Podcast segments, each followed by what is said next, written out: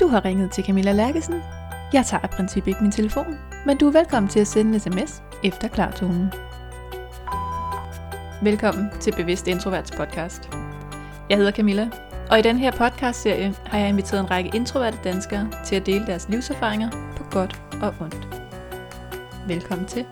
Skru op for de stille stemmer.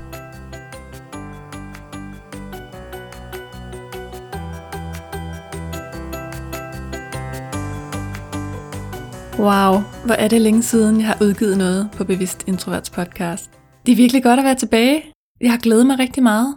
Det her, det er åbningsafsnittet på sæson 2, kan vi kalde det. Det er ikke fordi, øh, der som sådan sker nogle ændringer for jer, I lytter med, hvor I plejer, og ligesom I plejer.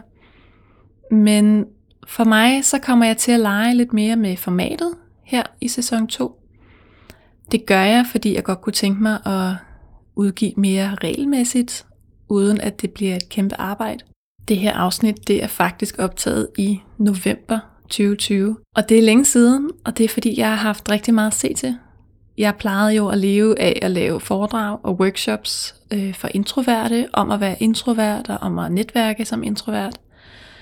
Og det er rigtig svært at leve af foredrag under en coronapandemi, så derfor så arbejder jeg ude i testcenteret i Københavns Lufthavn også – så jeg har jo haft dobbeltjob i rigtig lang tid nu, og derfor så har jeg ikke nået alt det, jeg godt kunne tænke mig. Og det er ret sjovt, i det her afsnit, der sidder vi faktisk og taler om, at jeg har sådan en uge, hvor jeg bare har haft sindssygt travlt, og kun har siddet ned og spist et måltid, når jeg har haft pause på arbejdet. Og det er jo ret tankevækkende, at jeg har sådan en uge igen nu, eller stadig. Vi taler også om, at min nye podcast, Netværkshistorier, skal til at udkomme. Og øh, i det her afsnit, der har jeg ikke helt afgjort med mig selv, om det skal være hver tirsdag, eller hvor tit det skal være. Og vi sidder faktisk og taler om, at ej, det er nok fjollet at udgive hver tirsdag. Det bliver jeg da stresset af. Og efterfølgende så vælger jeg alligevel, at jo, det skal være hver tirsdag. Og ja, det bliver man da lidt småstresset af. Uden at jeg har været nederlæg med stress, men det, er, øh, det har været et stort pres at skulle udgive noget hver tirsdag. Og jeg har så meget lyst til at love jer, at nu udkommer jeg hver lørdag for jer men det tror jeg ikke, jeg skal lægge på mig selv. Men jeg kunne godt tænke mig at lege lidt mere med formaterne, så jeg kan lave nogle soloafsnit, nogle kortere afsnit, så jeg kan udkomme mere regelmæssigt, uden at det skal være de her meget lange afsnit med gæster, som gør mig afhængig af en gæst og afhængig af at have meget tid til at redigere. Så I kan forvente, at det bliver lidt et nyt format nogle gange. Nogle gange bliver det præcis det samme, som I kender. Jeg vil rigtig gerne inddrage jer, faktisk, hvis I har lyst. Jeg kunne godt tænke mig, øh, en gang imellem, så kunne jeg godt tænke mig, at vi havde et panel, kunne tage nogle spørgsmål op fra jer. Jeg kunne godt tænke mig at have jer med som gæster. Så I må endelig byde ind og sige, hvad I godt kunne tænke jer. Stille spørgsmål, du godt kunne tænke dig, at jeg tog op herinde. Og så vil jeg gøre det. Simon har faktisk også fået et nyt job, siden vi talte sammen sidst. Han er nu øh, senior copywriter og underviser hos Bonnier. Jeg er i tvivl om, jeg udtaler det rigtigt, men I kender dem godt. Det er dem med alle magasinerne. Så stort tillykke med det nye job, Simon, og beklager, at det her afsnit det udkommer så sent, at du nåede at skifte job i mellemtiden. Det er ikke helt tilfældigt, at Simon han er åbning på sæson 2. Og det er han, fordi det her det er et rigtig godt afsnit. Det er ærligt på et niveau, jeg ikke tror, vi har haft med i podcasten på den måde før. Jeg tror ikke, der er så meget mere at sige, end at jeg tror næsten ikke, du kan lytte med, uden at blive klogere, uden at blive rørt. Jeg kom til at sidde og grine højt, da jeg redigerede det, men det er bare fordi, ja, der er god kemi og god stemning i studiet, og det er super fedt. Og jeg glæder mig så meget til at høre, hvad I synes. Og jeg glæder mig så meget til at høre øh, fra jer, hvad I godt vil have med i den her nye sæson 2. Så er der vist ikke så meget mere at sige, andet end rigtig hjertelig velkommen til dig, Simon Kravlinde. Tusind tak. Jeg tænker næsten, du skal have lov til at præsentere dig selv. Altså, fordi vi har jo kendt hinanden sådan øh, online mest, ikke? Ja, øh, vi har kendt hinanden først gennem Talentguiden, hvor vi skrev portrætter. Ja. Øh, uden at have mødt hinanden. Ja. Og øh, så kan jeg huske, du skrev til mig på et tidspunkt på Messenger, i forbindelse med en klumme, jeg havde skrevet hvor ja. du øh, kunne relatere til det, jeg har skrevet, og det synes jeg var meget fedt. Så har vi vel fulgt hinanden på nogle sociale platforme, øh, LinkedIn og Twitter måske? Nu bliver jeg lidt i tvivl. Har du været på Twitter? Åh, oh, jeg er ikke god til Twitter. Det er på min, øh, jeg burde gøre det liste. Mm. Den stryger vi. LinkedIn. ja. Og Facebook også jo. Ja, ja. og hvad, øh, vil du sige lidt om, hvad du laver? Det vil jeg rigtig gerne. Øh, jeg, øh, jeg er meget på LinkedIn faktisk. Mm. Både af interesse, øh, men også øh, i forbindelse med mit arbejde. Og jeg skriver mange tekster. Jeg skriver på forskellige platforme, og jeg tester rigtig meget af på LinkedIn. Ja. Øh, det synes jeg er den mest spændende platform. Øh, og som, som titel, øh, jobbeskrivelse, øh, som copywriter, jamen så skriver jeg meget på vegne af kunder. Jeg arbejder på sådan et øh, kommunikationsbyrå, der hedder Publico, der egentlig hører til i Aarhus, øh, men jeg er vores Københavner afdeling. Øh, og øh, så er jeg så er jeg en øh, jeg er en kæreste, jeg er en storbror, jeg er en fodboldspiller, en øh, fodboldtræner, en fodtennis spiller. Det er lidt på pause, men det, det er også en del af min, en del af min identitet. Mm. Jeg er øh, online på sociale medier. Jeg er introvert, og jeg er semi-bevidst, tror jeg. semi-bevidst? Ja. Okay. Om du er den første, der har nævnt din egen bevidsthed, og på den måde, så må du være sådan mere bevidst end gennemsnittet. ja, det, det, det kan da godt være. Det ved jeg ikke. Jeg, jeg er bevidst om mange ting, og jeg er bevidst om en hel masse, jeg ikke ved. Det er måske det. Der er den der the curse of knowledge, og øhm, ja, jo mere man ved, jo mere finder man ud af, at der er helt vildt meget, man ikke ved. Og så føler man sig måske som en rigtig øh, intet af en øh, klaphat en gang imellem. Ja. Fordi man er kommet til at vide noget mere. Ja, det ja. kender jeg godt. Så det er lidt sådan, jeg har det lige for tiden. Og hvad fik dig til at sige ja til at være med her? Jamen, jeg så dit opslag på LinkedIn, hvor du efterspurgte nogle mænd, tror jeg det var. Ja. Og øhm, øh, der kunne jeg lige krydse af, hey, jeg er mand. og hey, det er et vigtigt emne. Og øh, hey, jeg har også et ego, jeg også gerne vil pleje. Og hey, jeg vil gerne øve mig i at, øh, hvad kan man sige, stille sig op på en slags scene. Og dem, øh, det kan man jo forstå i, i bred i en bred forståelse, og det gør jeg, som i, der er ikke nogen scene her, men det er en slags scene, hvor jeg stiller mig ud og siger noget til nogen, der, der lytter. Mm. Øh, så det er en udfordring for mig selv, som jeg rigtig gerne vil tage. Og øh, jamen, så har jeg, jeg har bare glædet mig rigtig meget. Jeg har øh, haft lejlighed til at dykke ned i rigtig mange af de optagelser, du har lavet øh, herinde for de sidste par uger. Både dem af dem, altså de optagelser, du reelt set har lavet de sidste par uger, men også længere tilbage. Ja. Og det har jeg haft enormt stor glæde ved, fordi jeg har kunne spejle mig selv i øh, mange af dine øh, gæster. Ja. Øh, jeg har kunne spejle mig i deres udfordringer. Jeg har også kunne spejle mig i deres styrker. Og jeg er, jeg har simpelthen, jeg har ændret forståelse um, på flere begreber. Jeg har ændret nogle holdninger, både til mig selv og til andre, og det um, tænker jeg, at vi kommer til at berøre hister her gennem nogle af de sikkert begavede spørgsmål, du har, uh, vi skal igennem. Ja. Hvad har du fået øje på, som du ikke lige havde set før? Øhm, jeg har fået øje på... Øhm, jeg har fået øje på nogle styrker. Mm. Jeg har, jeg har ikke set tidligere introversion som en styrke. Øh, jeg har mere tænkt sådan, okay, det er et vilkår.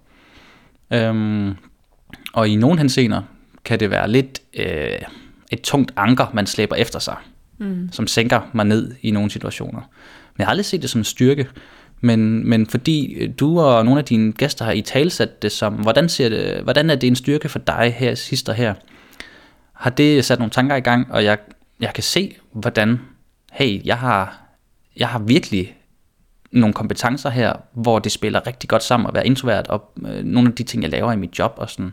Så jeg har, der er nogle klare styrker. Det synes jeg er mega fedt. Fedt. Og det kommer vi også tilbage til. Det fedt. kommer jeg også til at spørge dig om. Fedt.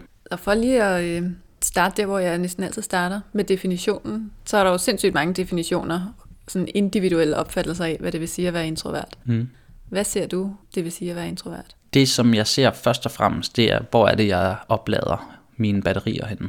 Altså, tanker jeg energi øh, alene, eller sammen med andre, øh, hjemme eller ude.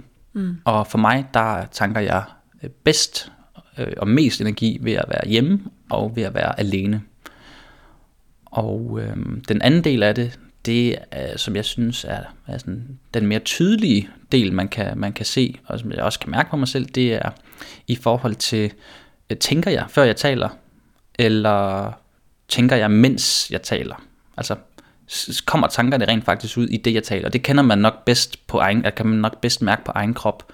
Og jeg kan meget tydeligt mærke, at jeg er sådan en type, der tænker, før jeg taler. Og jeg vil gerne have det oftest gennemtænkt inden. Øhm, så det, det, det er min, øh, min definition. Ja. Og hvornår kan du særligt mærke det, at du er introvert? Hvilke situationer fylder det, eller slår det dig? Det, øh, det fylder øhm, typisk, når der er flere end to personer i et rum.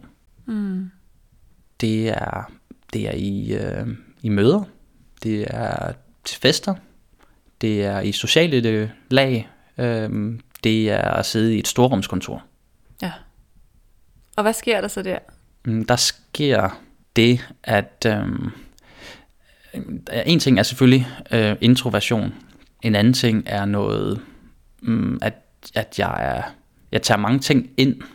Øh, vi kan måske på et tidspunkt tale om noget sensitivitet. Mm. Men faktum er, at jeg, øh, jeg lytter meget og observerer meget og tager meget ind, hvad andre gør og siger. Og øh, lyde kan, kan simpelthen være en, en hindring for mig. Det kan være enormt generende at, at prøve at have en samtale, mens der er nogle andre lyde. Så på en eller anden årsag, en eller anden uforklarlig årsag, der er sikkert nogen, der har en forklaring, men så er det som om, at støjen fylder mere end samtalen. Ja. Øhm, så jeg har en eller anden lille øh, radar, der tuner ind på, på det, der larmer, og så generer det, og så fylder det øh, sådan over, over meget. Ja, ja, så, øhm, ja. så du er også både introvert og sensitiv. Ja. ja. Det, nu har jeg lyttet til, til det afsnit med hende, der har skrevet en bog om særlig sensitivitet. Mm. Jeg kan ikke lige huske, hvad hun hedder. Ulla Hænge Thomsen. Det var et rigtig godt afsnit. Og hun, øh, hun slutter af med at øh, sige, prøv at være lidt, du skal være lidt, Mm. måske lidt tilbageholden med at flage for meget om din sensitivitet. Det er godt, at du har det som et øh, værktøj for dig selv, øh, men hun vil ikke anbefale, at man fortæller det til alle mulige. Så jeg har også på baggrund af det overvejet lidt, hvad er det fordelagtigt for mig at fortælle det nu.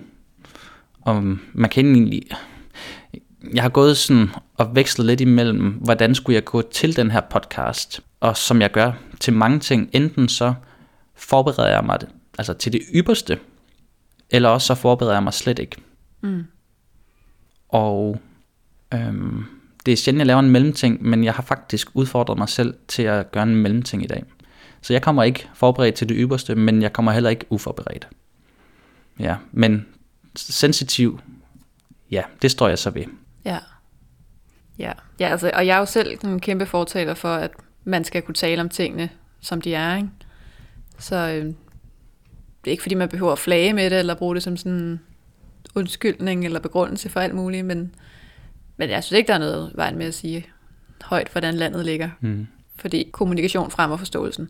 Ja, det synes jeg også, og det er derfor, jeg har valgt at, at sige det. Øh, jeg kunne høre på, var det Ulla? Ja. ja det er det med navn nogle gange kan være lidt svært. Ja. Men øh, at øh, det var måske ikke strategisk klogt at skulle øh, lade ens chef vide, hvad man er, så der kan måske blive taget nogle unødige hensyn til en på den baggrund. Øhm, men øh, det er heller ikke sikkert, at en chef øh, øh, lytter med til sådan en podcast her. Men hvis han gør, fred være med det. Jeg står ved det 100%. Præcis. Ja, det er sjovt, fordi uh, Lise August, som jeg også har haft med i et afsnit, hun sagde faktisk det samme om introversion. Mm. Altså, det er ikke dit ansvar at tage den kamp og gå ud og forklare og forsvare. Mm-hmm. Så det behøver du ikke at sige til nogen. Men, øh, men jeg holder stadig på, at det må alle dem, der gider at høre det, gerne vide. Enig. Lad os få snakket noget mere om det, så det kan blive så normalt, at når ja, når du har blå øjne, når, ja, når du, er, du identif- identificerer dig selv som kvinde, okay. Når du er introvert, nå okay. Øh, lad os bare komme dertil, det vil være forrygende. Men altså, øh, jeg tror, at, at din podcast er et rigtig godt skridt på den vej. Altså. Så ja. kudos til dig. Tak. Og jeg kan også se, at der er flere, der har takket nej til at være med, fordi de ikke havde lyst til at blive kendt som introvert. Det synes jeg er jo synd og skam. Ja, yeah, enig. Ja.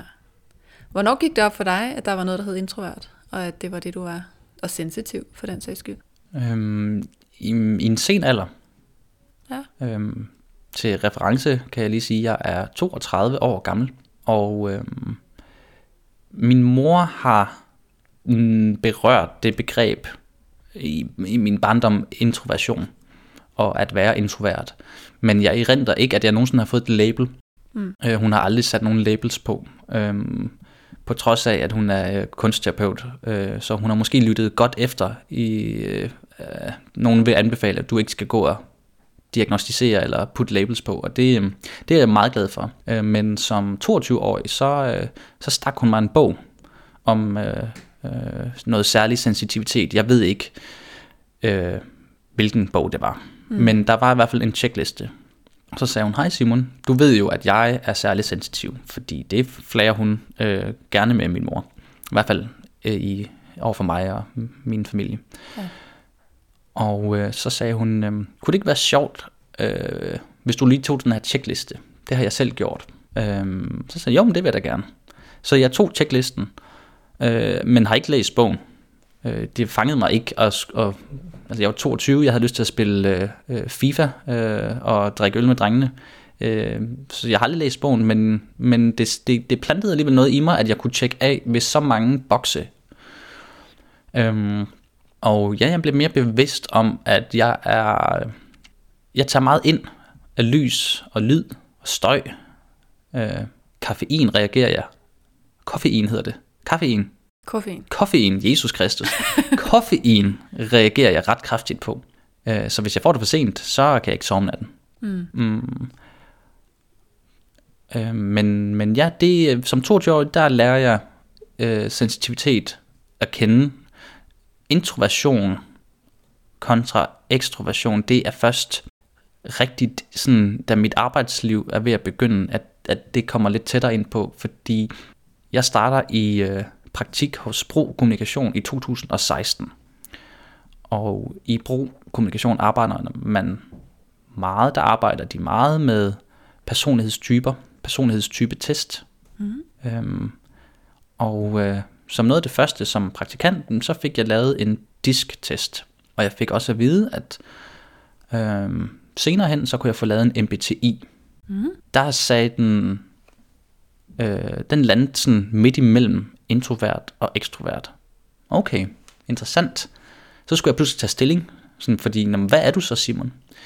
Det ved jeg, det, det ved jeg ikke. Jeg gør det ud fra, at jeg er ekstrovert, er jeg ikke det? Jeg, jeg, jeg er sådan en, der godt, jeg går til der, jeg går der til sociale arrangementer. Jeg havde en meget lille begrebs, øh, en meget lille forståelse af, hvad begrebet var, mm. introvert og ekstrovert egentlig. Så, så jeg, øh, jeg fulgte nok med, som, som mange andre gjorde, altså at der var en lille forståelse for begrebet, og puttede det sammen med generthed, sammen med tilbagetrukkenhed, sammen med alt muligt andet, som jeg er blevet meget klogere på at kan adskille nu. Øh, men da der så var nogle af de her opfølgende spørgsmål, hvor oplevede du energi henne?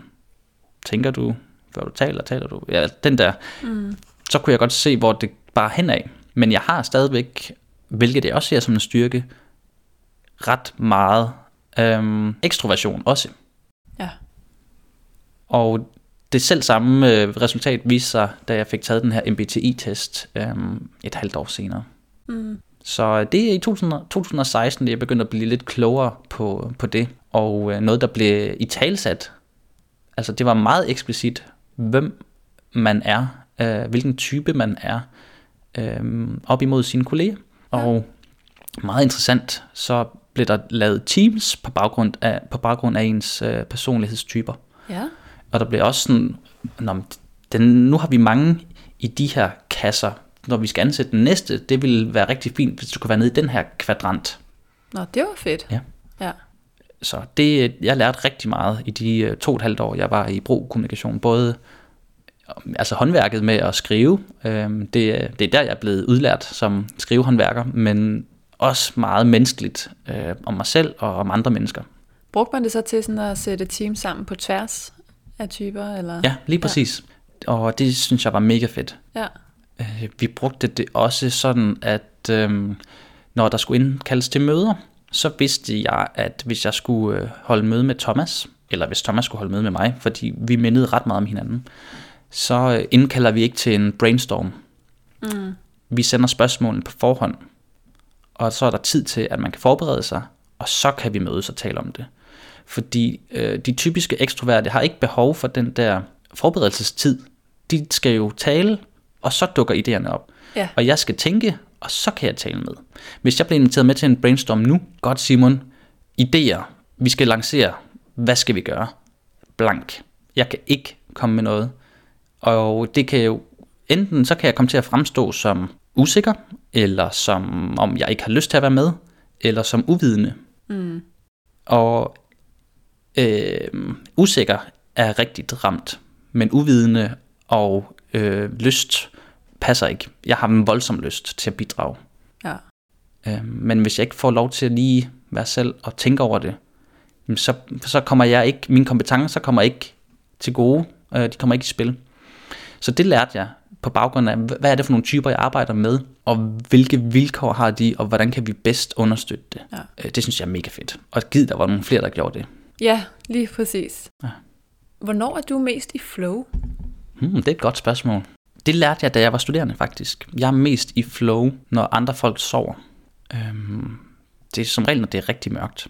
Tidlig om morgenen, eller sent om aftenen, når der ikke kommer nogen mails, når der ikke kommer nogen notifikationer, når der ikke er nogen daglige gørmål, der skal laves, øhm, når elkedlen er af, af, øh, hvad er det nu, man gør med en elkedel? Man afkalker den. Yes. Øh, alle de der ting. Øh, når der ikke er nogen breaking news, Mm. bjælker og notifikationer. Når der bare er mig og min opgave, så er jeg rigtig, rigtig god. Øh, men det fungerer ikke helt vildt godt på et, øh, et moderne, ja, semi-moderne øh, arbejdsmarked, hvor vi, øh, hvor vi arbejder fra 8 til 16 i et storrumslokale, storrumskontor. Øh, så, så må man jo øh, finde andre metoder. Ja. Jeg, øh, jeg kan ikke huske, måske er det i din podcast en gæst, måske er det et helt andet sted, men jeg har hørt en fortælle, at, øh, og det synes jeg var meget ærligt og meget modigt at sige, at jeg kan godt bruge syv timer på at tage mig sammen, øh, og så kan jeg løse en syv timers opgave på tre kvarter. Det, som andre vil tage en hel dag om, det kan jeg godt gøre på tre kvarter.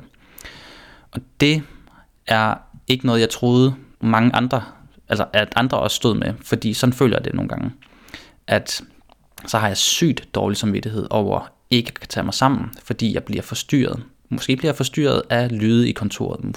Måske bliver jeg forstyrret af mails, der kommer ind. Måske er det bare mig, der har lyst til at overspringshandle. Hvad end det er, så bliver jeg forstyrret, og jeg udsætter, og jeg udsætter, og jeg udsætter. Og så løser jeg den store opgave på meget, meget lidt tid til høj kvalitet. Og det hende, ham eller hende, der sagde det, fik sagt det uden at lyde selvfed, og det beundrer jeg helt vildt, fordi det er jo både en styrke og en svaghed, fordi mm. jeg har lige spildt syv timer, Ja. men jeg har til også løst en svær opgave på tre kvarter. Ja, præcis. Mm. Det er rigtigt. Det var i afsnittet om øh, imposter-fænomenet. Ja, ja, det var rart at kunne genkende sig selv i nogle af, i nogle af de øh, ting, der blev nævnt der. Ja, ja. Jeg er også imposterramt. Mm. Helt vildt, faktisk. Jeg øh, er meget mindre imposterramt, end jeg har været. Ja. Jeg har aldrig taget den der test, hun nævner sådan, ja, og hende jeg har skrevet en bog med, eller et eller andet, hun øh, var 100 ud af 100, og nu er hun nede på, hvad ved jeg, 40 eller sådan noget. Ja. Øh, så det kan jeg ikke rigtig tale med om, øh, men jeg kan fortælle, at jeg har tidligere følt mig, følt mig som en, der øh, tydeligvis bare er heldig og sluppet igennem nåleøjet, og lige om lidt så kommer Gestapo og henter mig og siger, vi ved, hvem du er. Du er jo en nobody.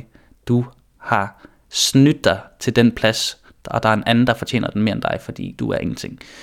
Det har været standardformularen i mit øh, voksne arbejdsliv, men jeg føler mig mere, jeg føler mere, jeg, har, jeg føler mig mindre som en snyder, må jeg sige. Ja. Meget mindre. Hvad tror du har gjort forskellen? Ubetinget støtte fra min øh, chef. Det er det allervigtigste. Og at vi kunne tale sammen. At jeg kunne mærke, der var tillid mellem os, til at jeg kunne sige det, som det var. Hvilket jeg har jo aldrig troet, jeg har kunnet. jeg kan jo ikke sige sandheden, fordi så bliver jeg jo, så bliver jeg fyret, så bliver jeg jo smidt ud, hvis jeg fortæller sandheden. Øhm, men det har jeg oplevet med min chef, og det har jeg ikke oplevet nogen andre steder. Og det er så stærkt. Ja. Ja. Så hvad har du, øh, uden at man skal sådan frame det som om, at det er svært at være introvert, men der er jo Mhm. mange, der lytter med her, fordi Mhm. de synes, der er nogle udfordringer ved at være Mhm. introvert. Ja. Hvor har det været en udfordring for dig?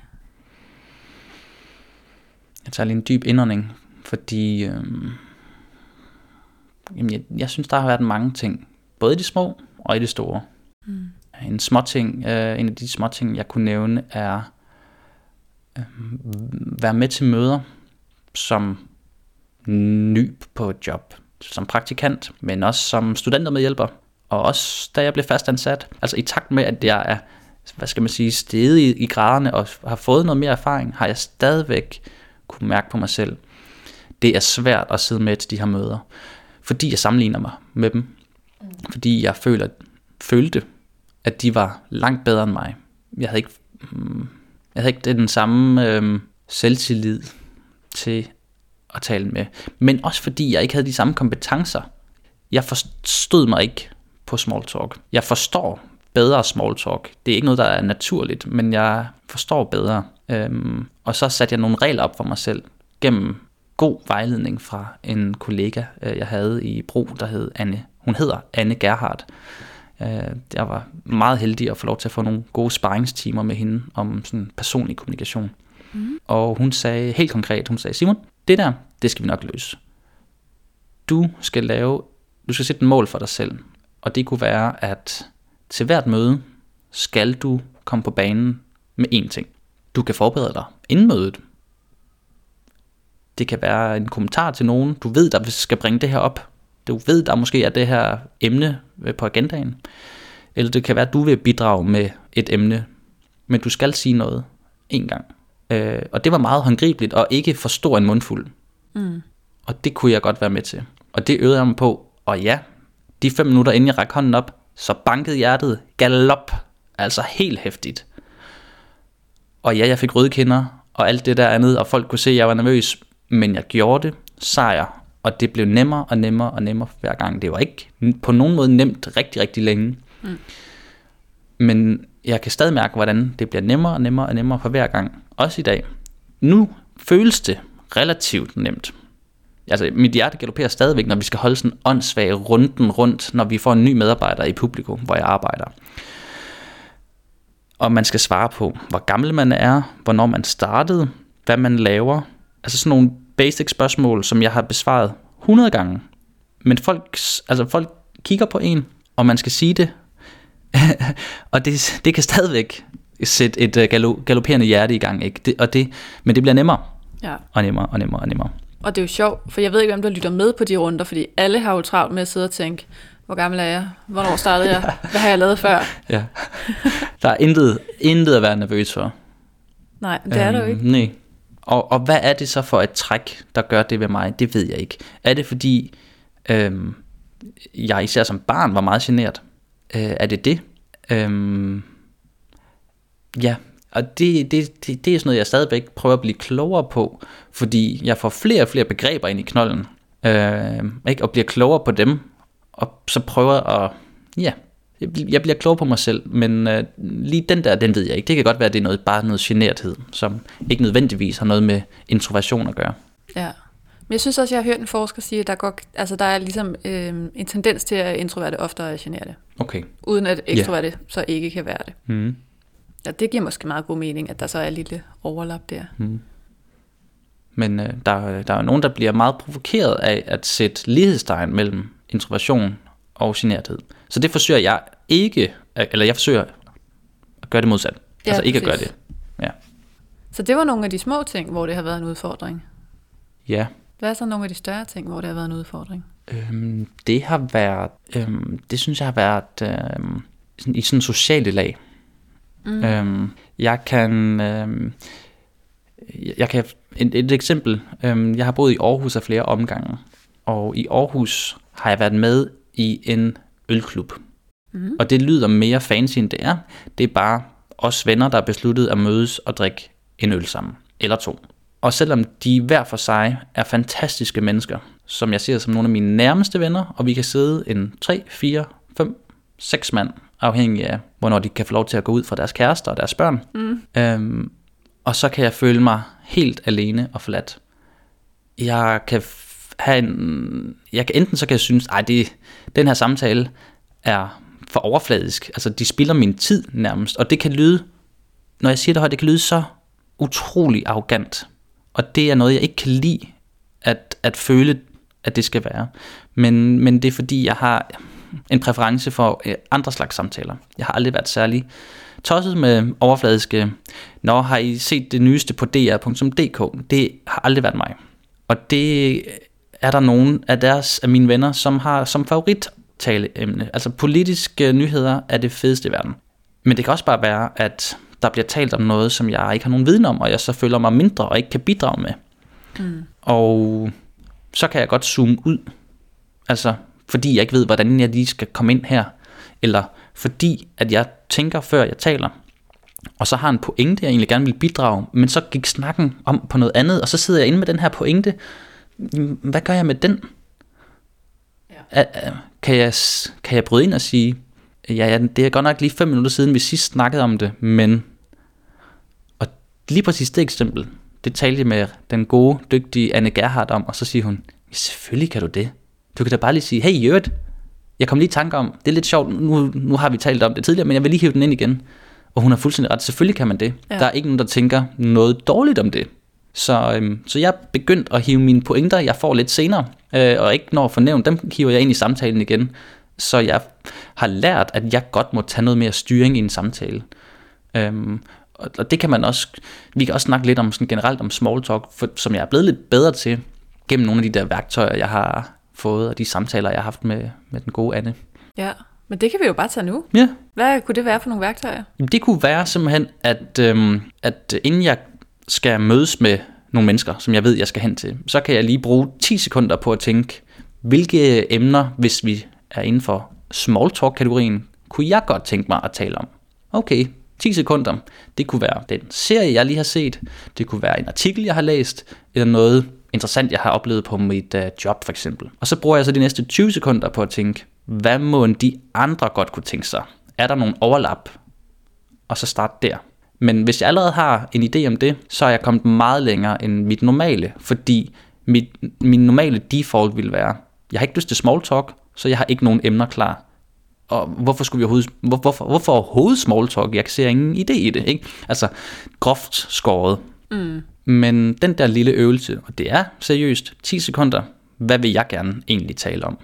20 sekunder, hvad kunne de andre monstro have lyst til at tale om? Jeg ved, at min ven Ace, som vi kalder ham, han elsker politisk øh, diskussioner. Er der et lille overlap i nogle af de tre, jeg har nævnt, mm, så skulle det være House of Cards, det er lidt politisk, den kan vi godt, ja, den kan jeg godt nævne for ham, fordi den har jeg lige set. Check. Mm. Og det giver bare en, altså en kæmpe ro at have brugt 30 sekunder på, at nu ved jeg, at jeg socialt kommer til at passe godt ind øh, med mine venner. Og ja, når man sidder i den der gruppe, det er bare anderledes som introvert, som generet, som særlig sensitiv, som imposterramt, at, ja, ja, det var mange labels, at, at, øh, at være med i sådan en gruppe, øh, kontra at sidde med, med Ace en til en, eller sidde med Peter en til en, eller sidde med Joachim en til en, hvor jeg ja. føler, det her, det er værdifuldt. Det er værdiskabende, og vi lærer hinanden bedre at kende, og vores relation bliver styrket, og alle de der ting, som jeg synes er mega fedt. Ja. Så der er måske også noget med at finde øh, formålet, tænker jeg lidt. Mm. Altså fordi det, hvis det i forvejen føles formålsløst, så er der jo heller ingen motivation. Så der, der kan jeg også godt se i de sammenhæng, hvor jeg virkelig har prøvet at tilegne mig small talk. Mm. Altså kunne se på resultatet, ikke? Sådan, Nå, altså, når vi så får nogle rigtige samtaler i gang, så får vi det nemmere, hvis jeg lige har spurgt til et eller andet helt random, ja. som for mig er ligegyldigt. Og det får mig lige til at tænke på en anden ting. Øhm, noget, som jeg har lært meget sent i livet, at hvis en kollega spørger ind til random emne X, det kunne være, hvordan cyklede du hen i morges, fordi vejret, så skal jeg huske, når jeg så har svaret om det her ligegyldige, på det her ligegyldige spørgsmål, at jeg skal stille det samme igen. Ja. Gud, hvorfor er der ingen, der fortalte mig det, før jeg var fyldt øh, 29 eller sådan noget? Øh, og jeg kunne bare se, hvordan det, det hjalp altså ret meget. De, måske har folk følt sig lidt afvist, at jeg aldrig spurgte ind til dem, når de stillede et lidt ligegyldigt small talk spørgsmål. Altså i min verden ligegyldigt small talk spørgsmål. Ja. Øhm, så ja, kæmpe øjenåbner, at øhm, du får du, du, du får gode point. Du, du bygger også på en relation, også selvom det er small talk, ved mm. at stille spørgsmål, altså spejle det samme spørgsmål lige retur igen. Ja. Jeg har også begyndt at lave nogle gitte videre, og så spørger folk mig om en ting, mm. og så, er jeg bare, så bruger jeg det igen. Så møder jeg en anden ude på gangen, ja, så spørger ja. jeg præcis det samme. Ja. ja, det var nemlig også der, hvor jeg startede. Altså, jeg ved jo ikke, hvor jeg skal starte. Hvad, hvad, hvad, hvad, hvad taler man om af small talk? Jeg kunne ikke komme på nogle emner der i starten, ikke? Hvilket kan lyde helt, helt skørt, ikke? Men, men det, var, det var min virkelighed. Ja. Og det er, stadig, det er stadig svært. Hvis jeg ikke har brugt lidt tid på at tænke, så kommer der sjældent noget naturligt. Og så er det der, at, at de, de lidt mere mm, talkative, ekstroverte typer, så spørger noget, de ved, jeg interesserer mig for. Nå, yeah. fodbold, Simon. Øh, resultatet i går. Nu tabte FCK igen. Øh, hvad synes du om det? Eller whatever, ikke? Altså, så det er jo, det synes jeg er fedt, og kudos til dem, som, øh, som tænker hurtigt. Øh, det kunne jeg godt tænke mig nogle gange. Ja, det kunne jeg virkelig også. Mm. Men nej, simpelthen bare kopiere. Hey, hvor du på arbejde i weekenden? Den er god. Jeg tænker, det, det er fuldstændig lige meget, hvem der er på arbejde i weekenden. Nu er det mandag. Ja. Men nej, nej, så stiller man det bare til den næste kollega. Nå, men var du på arbejde i weekenden? Nå, men var der travlt? Mm. Ja, ja. Helt lige meget i virkeligheden. men... det er, den er noteret. Jeg, jeg gemmer ned, øh, jeg skriver ned andre folks small talk spørgsmål. Den er god. Ja, mm. ja. Hvis du nu skulle opsummere nogle sådan tips, hvor hvis man nu skulle sådan, nu skal jeg i gang med small talk. How to? Hvis jeg møder mig selv i alderen 2000, nej. Hvis, du må spise nogle seriøse vitaminer. Hvis jeg møder mig selv som 28-årig, og jeg spørger 32-årige Simon, hvordan skal jeg small talk? Så vil jeg sige, punkt 1, brug 10 sekunder på at tænke over, hvilke emner har du lyst til at tale om? Har du set en fed serie? Har du oplevet noget interessant? Er der et eller andet, du har læst? Når du brugt de 10 sekunder, så tænk over, i 20 sekunder, dobbelt så lang tid, hvad kunne din ven, din mor, din kollega måske tænke sig at tale om af de her emner? Er der, er der et overlap, så er, det, så er det der, vi starter. Og så øh, dit gode tip, stjæl med arme og ben. Det gør man også i copywriting. Mm. Har du hørt et godt small talk spørgsmål, så brug det næste gang. Giv den videre, som du siger. Ja, så er man i gang. Ja. Mm. Og øh, så var det det der med de introverte kvaliteter. Oh ja. Yeah. Hvor ser du, at du har altså nogle virkelig fordele ved at være introvert? Jamen, jeg er så glad for det spørgsmål, og jeg er så glad for, at det er noget, du har bragt op i dine andre episoder. Øh, fordi det har jo givet mig en følelse af at have flere stjerner på skulderen. Jeg er opmærksom på, at jeg er introvert. Yes. Jeg er også opmærksom på, at jeg er kvæg min personlighedstype øhm, en, der er meget empatisk. Øhm, man, kunne, man kunne lidt se det som om, at jeg faldt i gryden med empati, da jeg var lille. Mm. Øhm, fordi jeg suger rigtig meget til mig. Og øhm, den der empati er virkelig god at have som copywriter. Fordi jeg kan sætte mig i andre sted, og så har jeg øh, en, en, en gave, en evne til at så skrive, så, så, så det føles som om, jeg skriver til dig. Øhm, nogle af de, øh, den styrke, der er ved at være introvert og empatisk, øh, den bruger jeg rigtig meget i mit, øh, i mit arbejde. Øhm, det bruger jeg også til, at jeg kan, øh, når jeg kommer i flow, øh, og når jeg sidder for mig selv, at jeg virkelig kan lave noget fedt, og jeg kan lave noget hurtigt, og jeg kan lave noget rigtig godt. Øhm, jeg er god til at fordybe mig. Øh, jeg kan nogle gange gå ned i nogle detaljer, som, som andre måske overser. Øh, og så fremelske den detalje, som kan gå hen og blive kernen i en strategi, kan blive kernen i en kampagne, som kan blive det, der går fra at være en hverdagssamtale til at blive det, der køjner øh, det særlige ved den her tekst, eller øh, strategien, eller kampagnen og sådan. Så det, det ser jeg nu meget mere som en styrke. Jeg var ikke lige så meget bevidst om det, øh, som jeg var tidligere. Hvad har du øh, gennem tiden fået ros for, sådan på den front? Øhm, jeg har fået, øh, fået ros for, at øh, der er folk, der siger, at det er som om, de kan høre mig læse teksten højt, når de læser mine tekster. Og det er en kæmpe ros. Det er det, man kalder tone of voice. Jeg har en genkendelig tone of voice.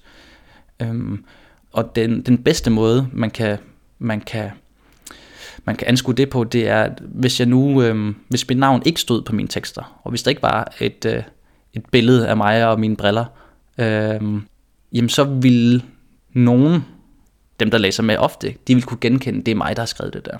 Ja. Øh, og det er ikke alle, der kan det. Det er langt fra alle, faktisk. Øhm, og jeg kan godt fremhæve nogle stykker, som jeg synes er rigtig gode, og har sådan en, en genkendelig tone of voice. Øh, og det er faktisk nogle af dem, jeg har arbejdet sammen med i Bro, som jeg har set meget op til og har lært mig meget, øh, mens, vi, øh, mens vi alle arbejdede der. Ja. Øh, Morten Mønster, øh, Henrik Hillestrøm, vi lige har kigget på øh, et billede af i Kom, øh, Kom, Kommunikation og Sprog magasinet. Ja. Øh, og Katrine Louise Nielsen, de tre er stjerne gode skribenter. Har du også nemmere ved at formulere dig bedst, altså nemmere ved at formulere dig på skrift Helt end i klart. tale? Helt Prøver jeg klart. at få over mine læber. Jamen helt klart, sociale medier, hvor man kan skrive, blogs har jo reddet mig. Øhm, ja, reddet mig. De har i hvert fald givet mig et, et sted, hvor jeg kan få lov til at formulere mig. Jeg har aldrig været typen, der har kunne lide at stille mig op i skolen og præsentere. Det var faktisk det værste i verden. ja. Jeg har ikke kunne lide at række hånden op, fordi jeg var sikker på, at øhm, så ville der komme en fejl. Så jeg har hellere undladt øhm, at stille mig ud og sige noget. Fordi, men det var primært, fordi jeg var bange for at fejle. Øh, Det er heldigvis noget, øh, øh, der fylder mindre og mindre. Øhm, men øhm, jeg var faktisk heller ikke, jeg var, jeg var faktisk heller ikke særlig god til at skrive i, i skolen. Øhm, jeg tror, det var... Ja, det er faktisk også igen det her med, at jeg var bange for at fejle. Så når jeg fik, øh, når jeg fik en stil tilbage med røde streger under, jamen, det havde jeg ikke lyst til at kigge på. Mm. Så hvis du ikke kan kigge på dine fejl, så er det rimelig svært at lære af dem. Så for mig, det var meget skamfuldt. Øhm, og øhm, ja, hvad, hvad, hvad ændrer sig egentlig? Øhm, fordi skolesystemet var det samme. Øhm, men jeg, øh, i 2010, der tog jeg til Zambia. Jeg havde lige droppet ud fra CBS. Øhm, der passede jeg overhovedet ikke ind, og jeg var overhovedet ikke klar til at studere. Jeg tror jo, at jeg er en late bloomer, men det, det, det er en anden snak også, men det kan vi også, også godt komme ind på. Øhm, og der startede jeg en rejseblog, fordi jeg skulle være væk i et halvt år. Ja. Og det er faktisk det der, at jeg bemærker, at jeg får noget ros. Øhm, den var tiltænkt til min familie og til de nærmeste venner. Men, øhm, men de anbefalede den til andre venner og sagde, ej læs lige med. Øhm, Simon han, øhm, han, kan, han kan skrive, så du kan se det for dig. Så de kan, du kan se, hvad det er, han oplever. Og så kommer der en gang imellem, han får sagt det på en sjov måde også nogle gange. Får, sagt nogle, øh, får malet nogle lidt sjove billeder. Ja. Får taget fat i en enkelt situation, og så beskriver den. Det er noget ros, som jeg er meget, meget glad for. Og det gav mig en tro på, at øhm, det her, det kunne godt blive til noget. Og det gav mig en vej ind til at finde et studie, som jeg rent faktisk interesserede mig for. Og hvad var det så, du endte med at læse? Jeg læste øh, kommunikation og digitale medier på Aalborg Universitet. Der læste jeg min bachelor. Og så øh, flyttede jeg til... Øh, jeg boede hele tiden i Aarhus, men så flyttede jeg universitet til Aarhus Universitet, hvor jeg så læste øh, virksomhedskommunikation. Også kaldt kan længe mærk, fordi det er halv på Handelshøjskolen og halv på universitetet. Mm. Der var sådan meget mm, business over det, hvor bacheloren var mere bred, Ja. øh, bred kommunikation. Hvad fik dig til at tage til Zambia dengang? Det var, det, det var øh, et tilfælde. Øhm, jeg har inden da været meget tryghedssøgende, ikke så meget til store vilde forandringer, og jeg havde aldrig haft udlandslængsel. Så det kom som en kæmpe, øhm, et kæmpe chok for mig, at det var egentlig det, jeg valgte. Men jeg var ret åben. Det var et uh, moment of power, som man uh, kalder det i adfærdsdesign. Uh, jeg havde lige droppet ud fra uddannelsen. Alle muligheder var åbne. Og uh, min bedste ven gennem folkeskolen og handelsskolen, hans storebror Peter, var lige taget til Zambia med sin kone. Og der var noget med, at de skulle starte en fodboldskole. Mm. Og er der noget, der driver mig, og har en, altså fylder meget i mit liv og i min fritid, så er det fodbold. Og starte en fodboldskole, og det var med en professionel fodboldspiller, der spillede i Danmark, der hed Chris Katongo. Han var professionel i Brøndby og landsholdsspiller for Zambia. Og det var hans fodboldskole, eller hans navn, der skulle på fodboldskolen. Og så skrev jeg til dem og sagde, hey, det lyder spændende, kunne I bruge en, øh, en frivillig? Jeg har skal ikke noget det næste halve år. Wow. Og så sagde de, vi havde egentlig ikke tænkt at tage frivillige ind. Øhm, kan vi lige tænke over det i en uge?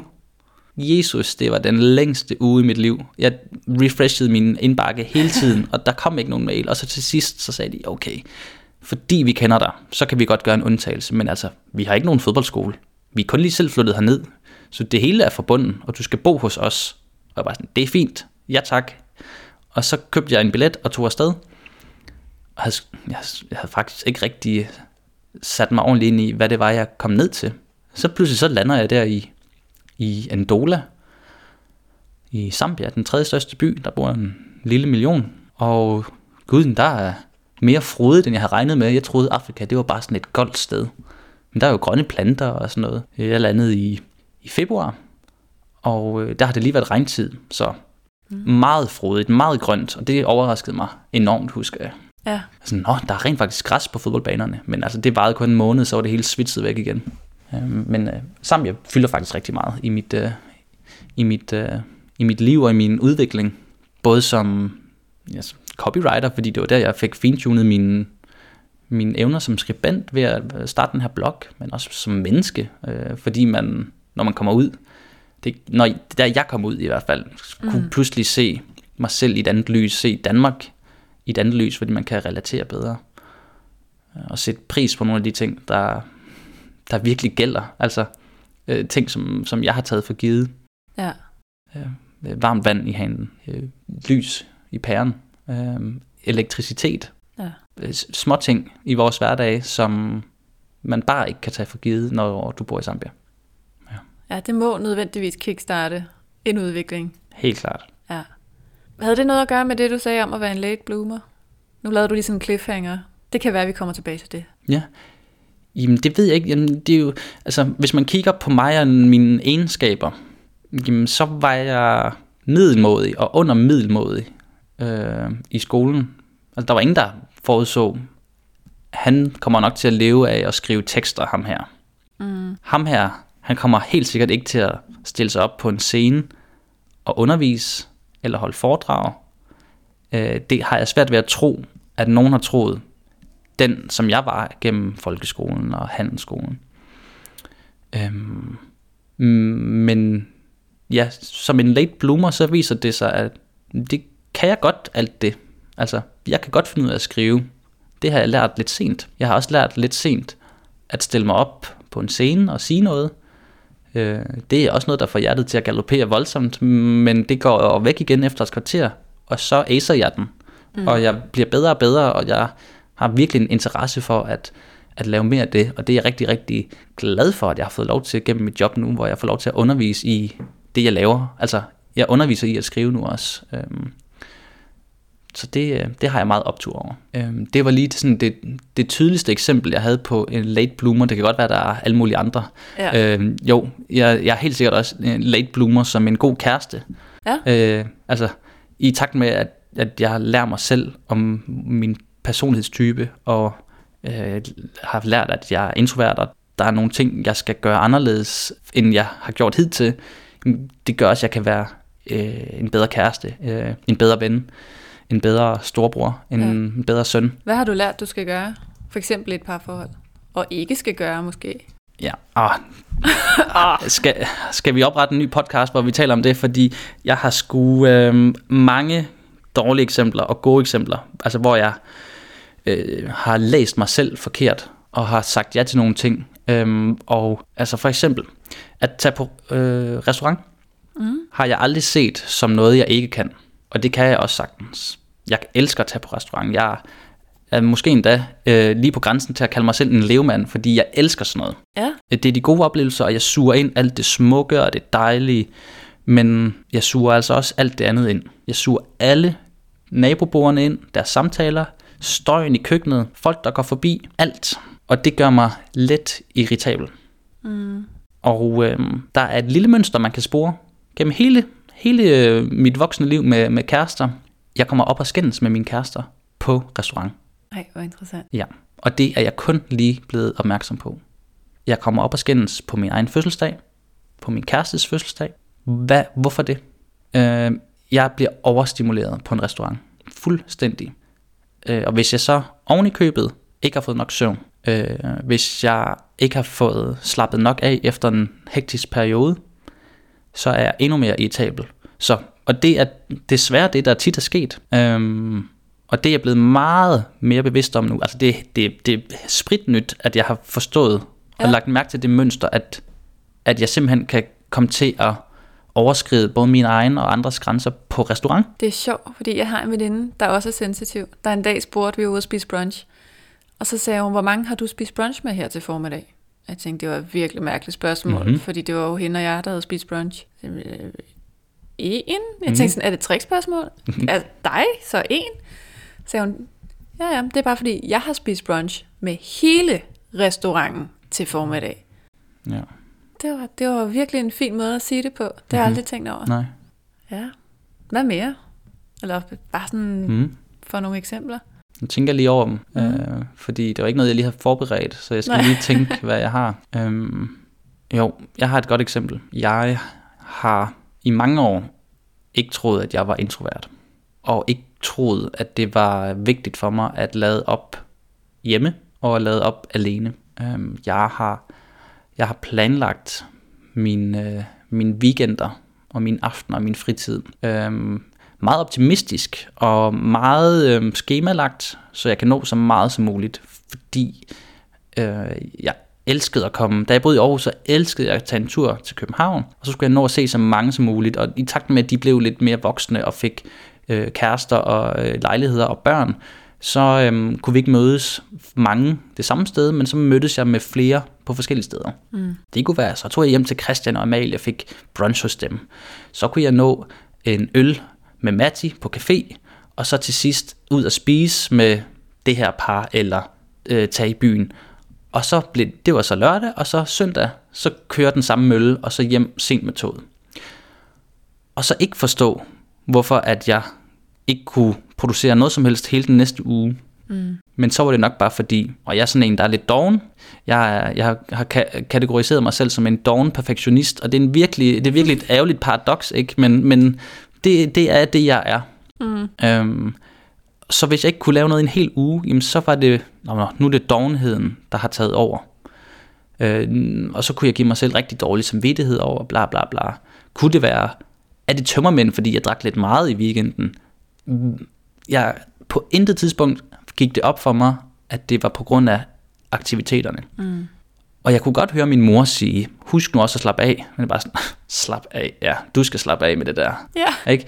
Øh, jeg anede ikke, at der var en sammenhæng mellem, hvad jeg gjorde, og hvad jeg havde brug for, for at lade batterierne op igen. Og når jeg siger det nu, og når jeg kigger tilbage på mig selv, så er det altså slående, at det ikke havde ramt mig. Altså at jeg ikke vidste, at jeg ikke kunne se det mønster. Men det er åbenbart, altså igen, et mønster, jeg har været blind for. Ja. Som så mange andre mønstre, jeg har været blind for. Ja. Så nu er jeg blevet bedre til at planlægge.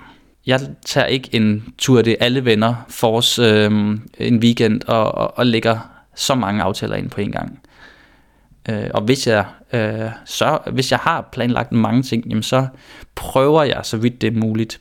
Det synes jeg kan være lidt svært, når man arbejder på et bureau, hvor den typiske profil er en ekstrovert type, og det er skiftende arbejdsopgaver, det er skiftende det ene og det andet, og gerne med lidt fart på, og du ved, øhm, at så få det til at passe ind, at der er nogle øh, frirum.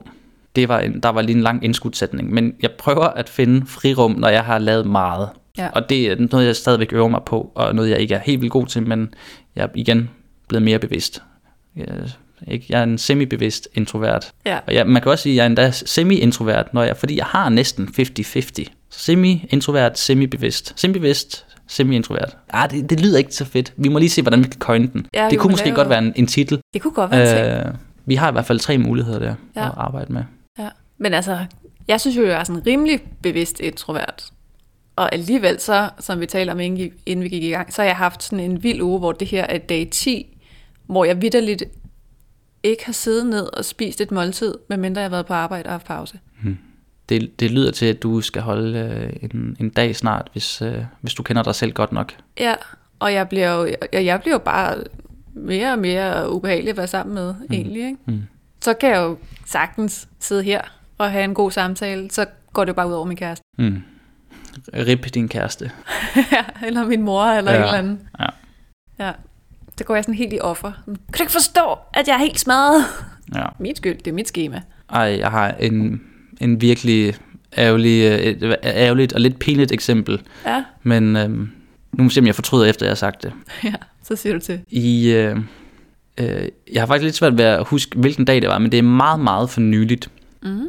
Øhm, der, øh, der er jeg lige kommet hjem fra en lang arbejdsdag, og jeg er helt smadret. Nu ved jeg præcis, hvilken dag det er. Ja.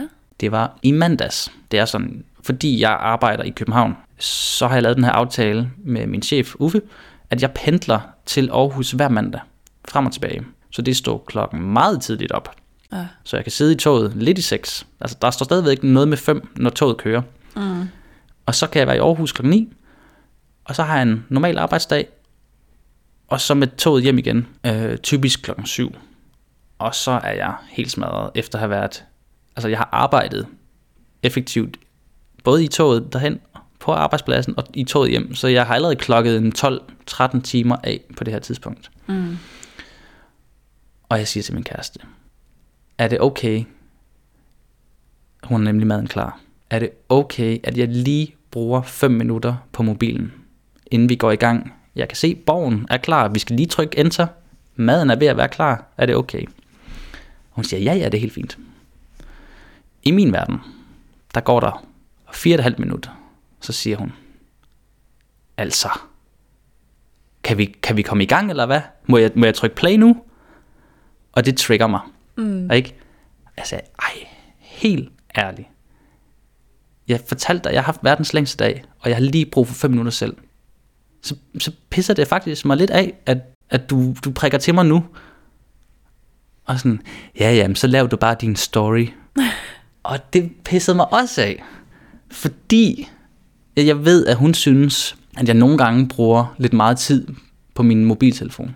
Og vi har nogle, vi har nogle forskellige opfattelser af. Øh, jeg ser det lidt som et arbejdsredskab. Mm. At jeg bruger det som personlig branding. Jeg bruger det ikke fordi, at jeg loller hele dagen igennem på Instagram. Jeg, jeg bruger det meget strategisk og bevidst. Og ja, det var en lidt lang smør om, at, at, at jeg godt kan blive trigget af nogle lidt ligegyldige ting. Og så føle, at jeg stadigvæk har lang vej igen. Ikke? Øhm, hvis, hvis jeg var super bevidst, Mm. kunne det være, at jeg kunne takle det på en anden måde. Ja. Og øh, ikke komme til at lave en lille scene. Ja. Hvor lang tid var der gået? Jamen, I, I min verden var vi ikke nået til de fem minutter endnu. Nej. Jeg ved ikke i den rigtige verden, om, vi, om vi havde rundt fem et halvt. Øh, øh, ja. Lad os bare sige, det var midt imellem. Så måske var der præcis gået fem. Ja, ja. Men det er jo netop det, når man har kørt sig selv derud, hvor der bare ikke er mere at tage af, Mm, så er man bare ikke særlig hyggelig at være sammen med. nej. Og så bliver det meget nemt andres skyld, Ja. selvom det er en selv, der har Ja, det var jo, det var jo klart Kathys skyld. Jeg havde jo bedt om fem minutter, og så kommer hun der og er provokerende lige pludselig. Ja, helt Ikke? ærligt. Så er det jo totalt hendes skyld, og overhovedet ikke noget med mig at gøre. Overhovedet, understreger med min ironiske stemme. Overhovedet. Ja. Jeg sad lige og fik en refleksion før, Mm. da du fortalte om det her med at gå i folkeskole, Ja. og sige, der var ikke nogen, der forventede, at jeg ligesom blev til det, jeg blev. Ja. Øhm, og så tænker jeg, "Nå, men det er egentlig, det er meget sjovt. Sådan en, det tænker jeg også. At der var sgu ikke nogen, der forventede Altså om dig selv. ja, Mm. noget særligt af mig. Fortæl dig lidt. Måske det der med at blive sådan nørdet forfatter, ikke? det forventede de alle sammen. Men der var sgu ikke nogen, der forventede, at jeg skulle øh, være et navn, man så på tv af og til. Og så tænkte jeg sådan, "Nå, men det er sgu egentlig meget fedt, så sidder der sådan to introverte her, som har sådan, øh, som egentlig er lykkedes ret godt. Og de ting, vi så er lykkedes med, det er egentlig nogle sådan rimelig ekstroverte ting. Hmm. Så jeg kunne ikke lade være med at sidde og tænke sådan, er vi kun lykkedes, fordi vi har lært at være ekstroverte? Jeg er nok ked af at sige, det har stor betydning, Ja. desværre. Ja. Fordi vi er lykkedes at tillære os noget ekstrovert.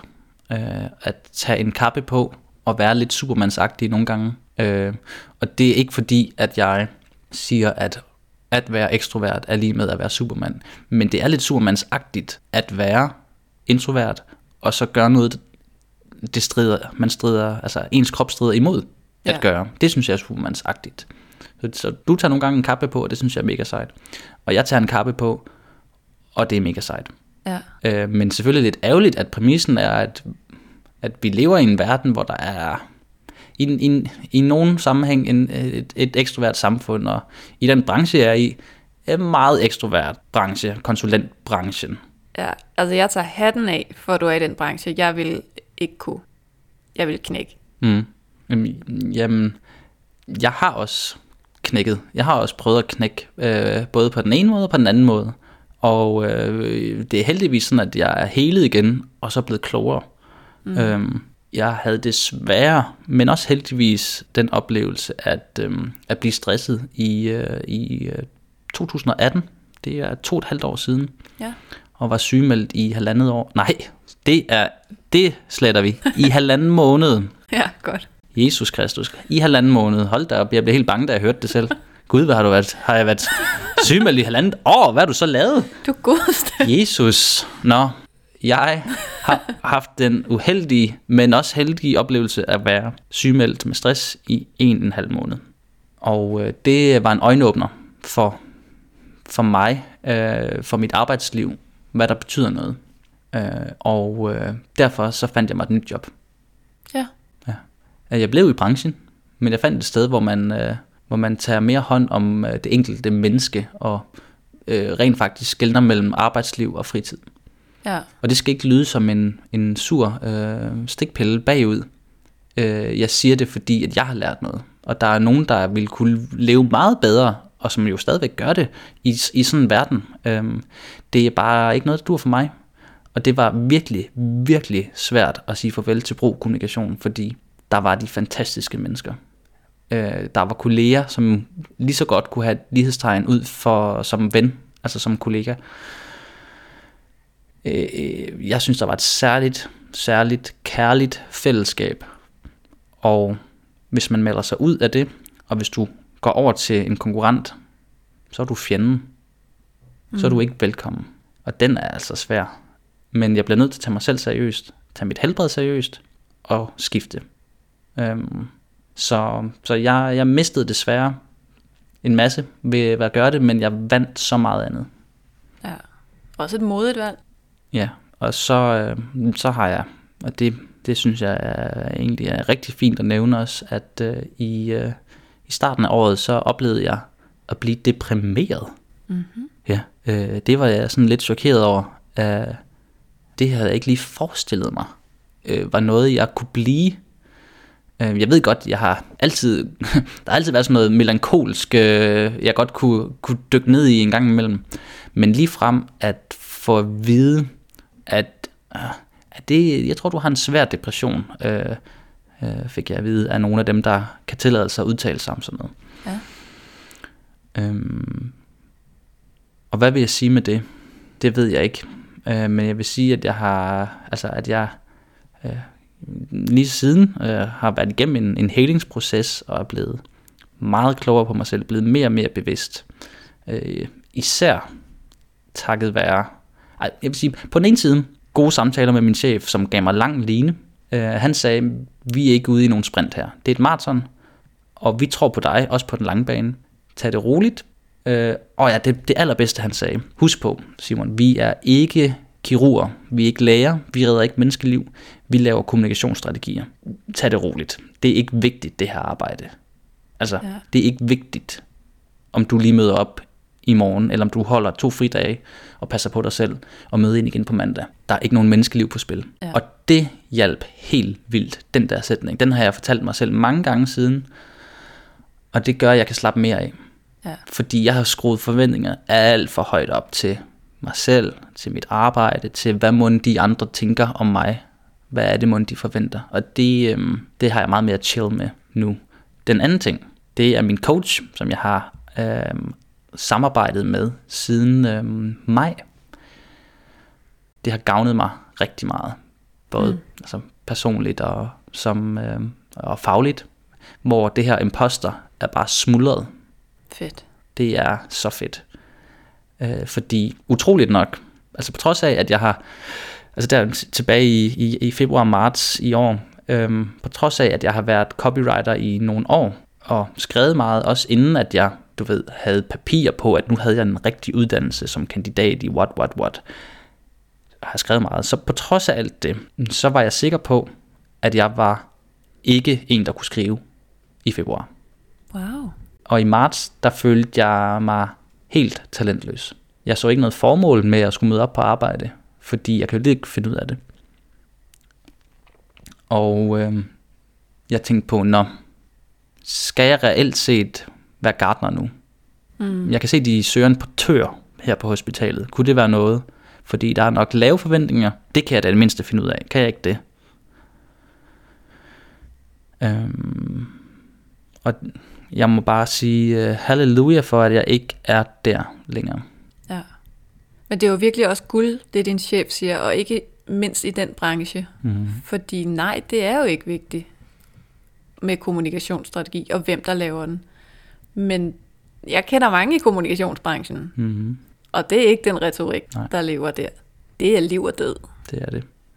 Og det er ligegyldigt, om det er en, en lille annoncetekst, der skal på sociale medier, eller om det er en deadline, en del deadline for at få en brandfilm ud. Altså, du ved, folk de, øhm, jamen, det er jo så sørgeligt at se, hvordan at den der del deadline, den bliver prioriteret højere end at hente barnet til tiden, eller være hjemme og spise aftensmad med konen, eller noget tredje, fjerde, at det, som jeg synes er det, der betyder rigtig meget. Præcis. Så hvad har du taget med dig? Jeg har taget, øh, øh, altså fra depressionen, eller fra sådan øh, coach-tiden, øh, som jeg stadigvæk har. Fordi jeg har lært, jeg har fået nogle, nogle helt konkrete værktøjer med, og noget viden med fra at have gået ved, han hedder Søren Lønge. Mm. En, en type, som jeg umiddelbart vil tænke, ham kan jeg ikke sidde et rum med. Han er for smart i en fart. Han er sådan, vi har ikke et værdisæt, der stemmer overens. Så jeg var meget skeptisk og meget kritisk i starten, må jeg sige. Okay. Altså han, hvis jeg skal prøve at beskrive ham, så er han et, et, et, et ret stort menneske. Han er sådan lidt buff i det, trænet. Du kan se nogle tatoveringer. Okay. Hans jokes kan godt være lidt krænkende. og jeg tænker bare sådan, Søren, det er nok ikke, det er ikke ham og jeg, der bliver buddies her. Og jeg har svært ved at forestille mig, at du kan hjælpe mig ud af en depression, og hjælpe mig med at smuldre mit imposter syndrome. Alle de forfærdelige fordomme på baggrund af hans udseende og hans forfærdelige jokes, øh, de, de er også smuldret. Altså, øh, de, øh, han er virkelig dygtig. Ja. Han, øh, han har givet mig viden om bekymringer, og det er faktisk dem, der fylder rigtig meget. Jeg kan identificere en bekymring, og jeg ved præcis, hvad jeg skal gøre ved den, når jeg ser den. Så der er sådan tre faser. Så har han også givet mig nogle redskaber til... Øhm, jeg har faktisk jeg har fået øh, tillagt mig to vaner ja. øh, om morgenen. Det er fem minutter i alt. Og altså de tre ting til sammen, viden og forståelse og hvad jeg skal gøre med, med bekymringer, og så de her to morgenrutiner har ændret min verden fuldstændig. Hvad skal man så gøre med bekymringer? Du skal, du skal lære, hvordan man identificerer den. Øhm, og det er typisk noget, hvor øhm, den definition, den kan Søren bedre, men det er typisk noget med, hvor øh, du ikke umiddelbart kan se en løsning, og hvor du bekymrer dig om noget, der ikke er sket endnu. Mm. Når du så, lad os sige, du på en eller anden måde identificerer, hov, hvad er det, der sker nu? Jeg kører i tomgang, eller jeg er negativ, eller jeg har ikke fokuseret på min opgave i 20 minutter. Kunne det være, fordi jeg bekymrer mig? Mm. Okay, så step 1 er, spørg dig selv. Det er nemlig tre spørgsmål. Så du skal spørge dig selv, kan jeg ændre på det her? Så øh, er det, at, øh, at der, det er meget varmt her i Zambia. Øh, nej, det kan jeg ikke ændre på. Det er et vilkår. Mm. Øh, det er øh, koldt op på Nordpolen er også et vilkår. Øh, det er et vilkår, jeg er 32 år. Øh, det kan godt være, at jeg bekymrer mig om min alder, hvad skal der måske blive, jeg nogensinde far, skal jeg skynde mig. Det er et vilkår. Så kan jeg ændre det, ja eller nej? Hvis svaret er nej, så skal jeg glemme det. Mm. Fordi, igen, det er et vilkår, det er en præmis, så må jeg lære at leve med det. Hvis svaret er ja, så går vi til næste fase. vil jeg ændre på det? Ja eller nej? Og det er faktisk, altså når man kommer dertil, så kan man lige tænke lidt over, hmm, hmm, okay, måske er det faktisk ikke så vigtigt igen, hvis jeg ikke gider at ændre på det. Ikke? Mm. Hvis svaret er nej, nej, nej, jeg vil faktisk ikke ændre på det.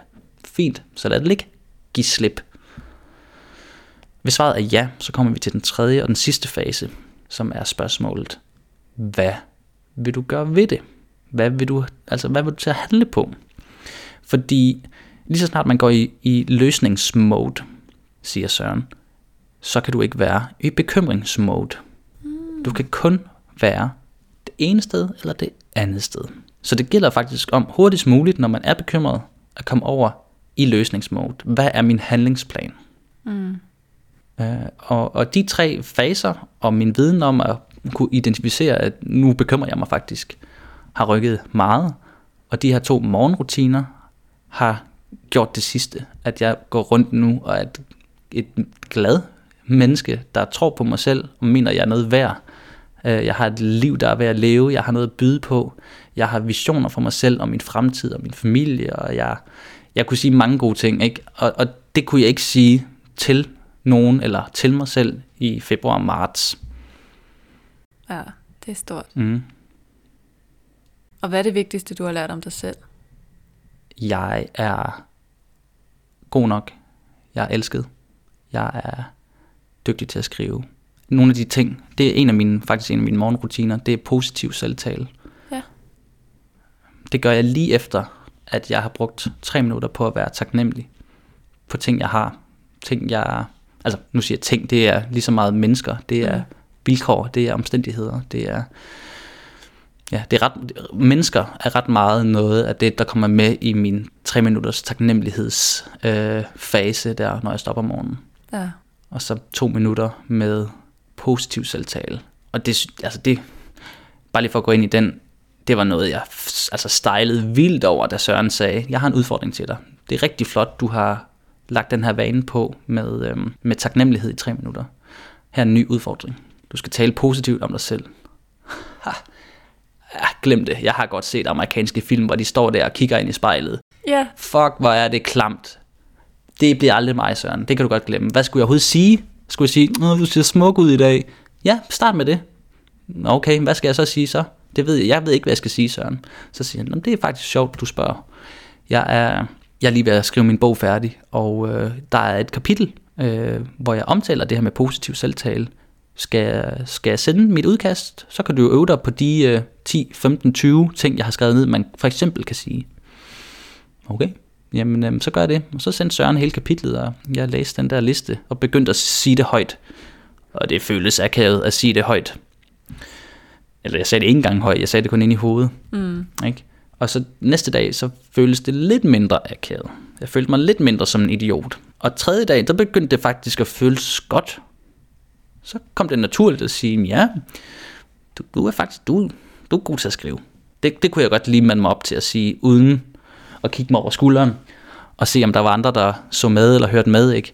Øhm, og nu, øhm, nu er, er listen lang, og jeg skal ikke kigge på Sørens liste for at sige noget positivt om mig selv. Og det er bare rigtig, rigtig dejligt. Så ja, det kan godt være, at jeg nu er en kliché i en amerikansk øh, comedy, drama, øh, kærlighedsfilm, whatever. Men det virker sammen med, sammen med den her taknemmelighedsvane øh, øh, og sammen med øh, min måde at kunne takle bekymringer på. De tre ting er det vigtigste, jeg har taget med mig videre, og jeg deler dem gerne Ja. med hvem som helst. Fordi det er tre rigtig, rigtig gode tips ja. til livet. Og hvis man så, hvis nogen synes, man er en kliché, så må man jo være en kliché. Ja, ja. Så må man være en kliché. Så kan de andre sidde der og være sur for en sikkerheds skyld. Ja, øh, Michael Kampers bog, Ja. der hedder det. Den har jeg ikke fået læst endnu, men det er faktisk det er lidt i samme boldgade. De kører nemlig positiv psykologi. Ja, det er det, der er fælles nævneren for det her. Ja. For både Søren Lynge og Michael Kamper. Men jeg har hørt uh, podcasten, han har lavet sammen med Erik Sengs, som øh, faktisk er det, der udgør øh, bogens indhold. Øh, det er bare sådan en transkriberet øh, samtale, de har haft der. Og som Nå, har de tilført en masse ekstra, har jeg hørt, fra en, der har øh, læst korrektur på bogen. Ja, og for jeg har læst nogle af Michael Kampers andre bøger, Mhm. mm-hmm. også om positiv psykologi. Ja. Og det er jo dejligt velfunderet for sådan en øh, skeptiker som mig. Ja, der heller ikke skal nyde noget af at kigge ind i spejlet og sige mm. pæne ting. Mm.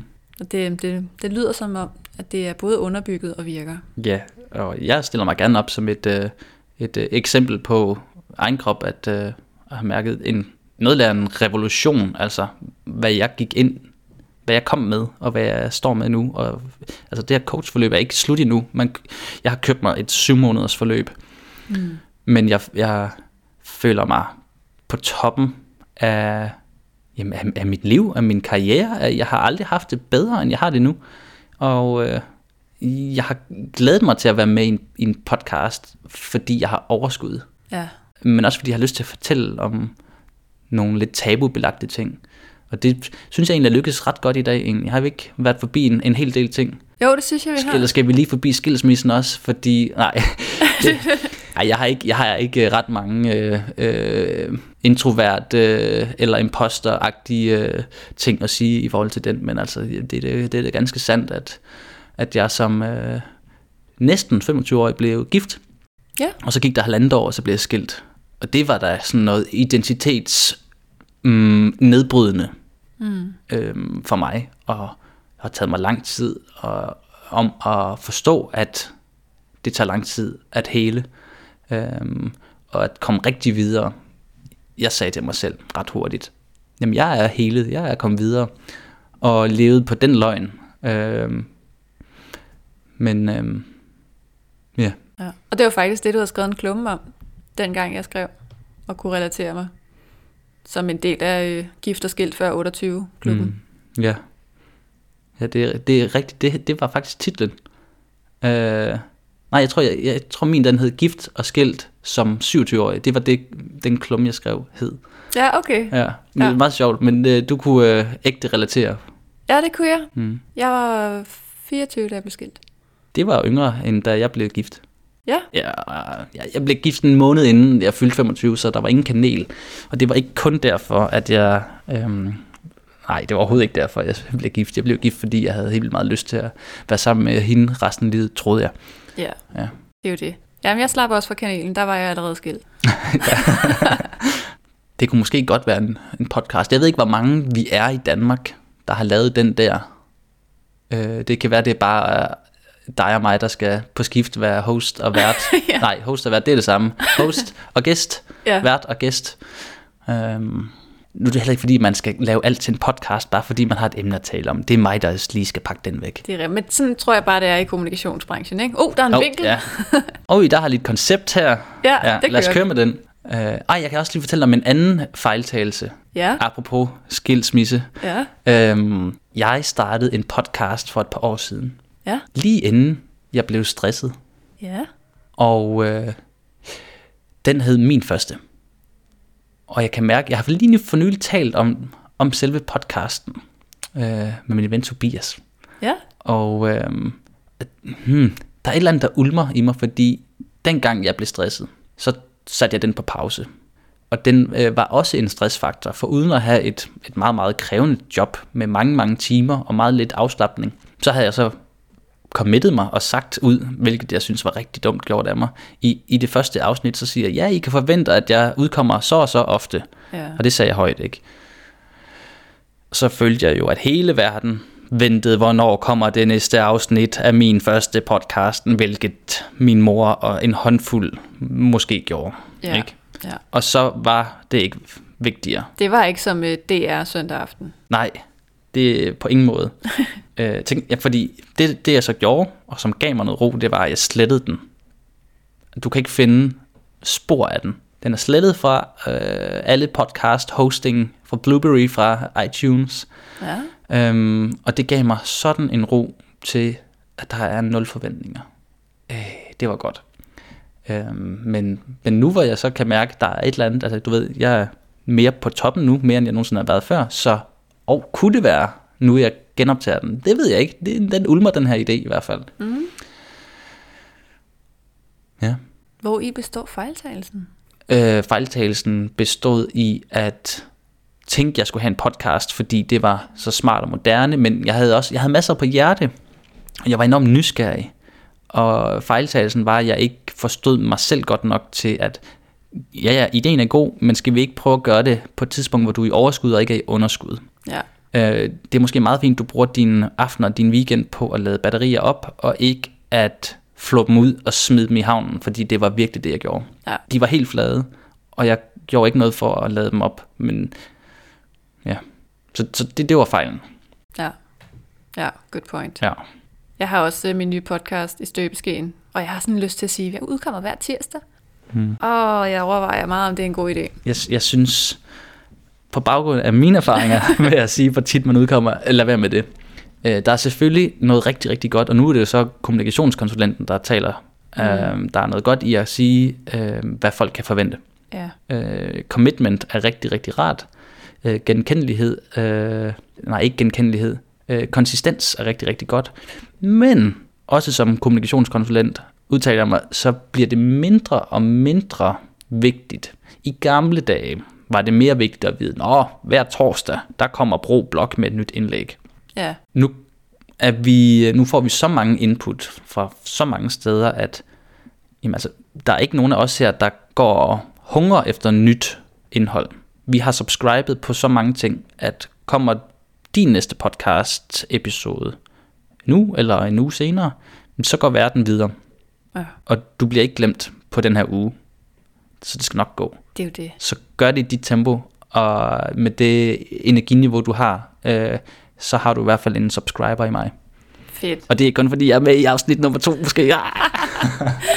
Men det er du. Men øh, Ja. Nu har jeg jo lyst til at bede dig om at opsummere, hvad der er vigtigt. Men du er jo copywriter, så jeg vil, jeg vil lige stille dig et andet spørgsmål. Mhm. Mm-hmm. Hvad skal det her afsnit hedde? jamen, jeg tror, jeg vil tage fat i noget, der bryder med nogle forventninger. Det er mm. altid et godt sted at starte. Øh, som copywriter, så bruger jeg altid ret meget krudt på at researche, inden jeg skal skrive. Skrivefasen fylder utrolig lidt. Øh, og det, jeg så bruger næstmest tid på efter at researche, det er at slette ord.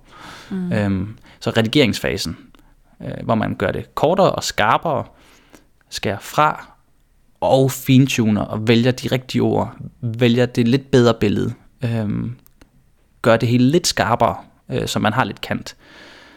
Øh, det fylder næsten mest. Øhm, så derfor så vil jeg tage fat i noget af det, vi snakkede om før med øh, semi-bevidst introvert. Mm. Kunne være en titel. Den er meget kort, nu ved jeg ikke, øh, jeg kan ikke huske, hvor lang dine titler normalt er. Det er ret forskelligt, for det plejer at være citater.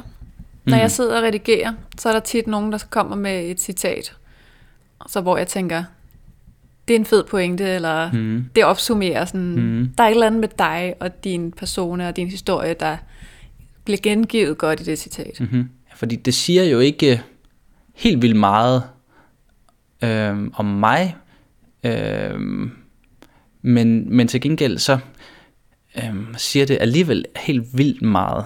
Ikke? Øhm, men det, det giver nok mere mening, når man så lytter. Øhm, fordi mm. hvad menes der egentlig med en semi-bevidst introvert, eller en semi-bevidst semi-introvert? Øhm, det eneste håb her, det er så, at det piger noget nysgerrighed, men jeg vil bare sige, det er ikke så clickbait-agtigt øhm, en titel, så måske vi lige skal tilbage i skriveværkstedet. Ja. Jeg noterer mig nogle citater, Mhm. as I go. Mhm. Ja, hvis... Hvad, hvad, så vil du egentlig have bedt mig opsummere, men så først lige, er der en titel, jeg kunne pege på allerede nu? Ej, det kunne bare være sjovt at høre, ikke? Ja, altså, der er jo det, øhm, den printede jo så ind fra starten af, at det kunne faktisk være en titel. Mm. Og enten så skal man gå med den intuition, øh, det er som regel, altså, hvis din intuition siger det, så er der noget om det. Ja. Ikke? Og det andet, det vigtige råd, kill your darlings. Hvilket er super ærgerligt, når man har en intuition, der siger, ej hvor er det fedt. Ja. Men hvis den ikke lige sidder i skabet alligevel, så bliver du nødt til at slå den idé ihjel. Så er det en darling, eller er det, er det bare en god idé?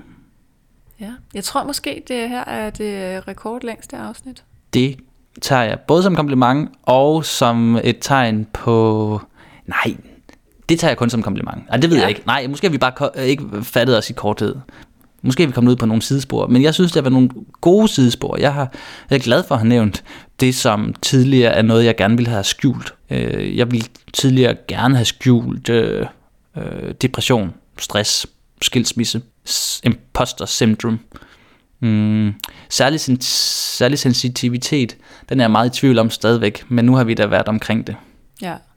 Introvert har jeg ikke haft noget problem med at skjule. Det har været øh, heldigvis noget, jeg har fået med, for eksempel fra Bro, at det taler vi højt om. Ja. Gudskelov. Mm, Tak for det, Bro. ja. Det skal have. Og så var der alligevel noget godt at sige. Nej, der har, der, jeg har, der har været masser godt at sige om Bro. Ja, og jeg det synes, håber det jeg også, at, at man kan høre. Øhm, og jeg er 0% bitter. Ja.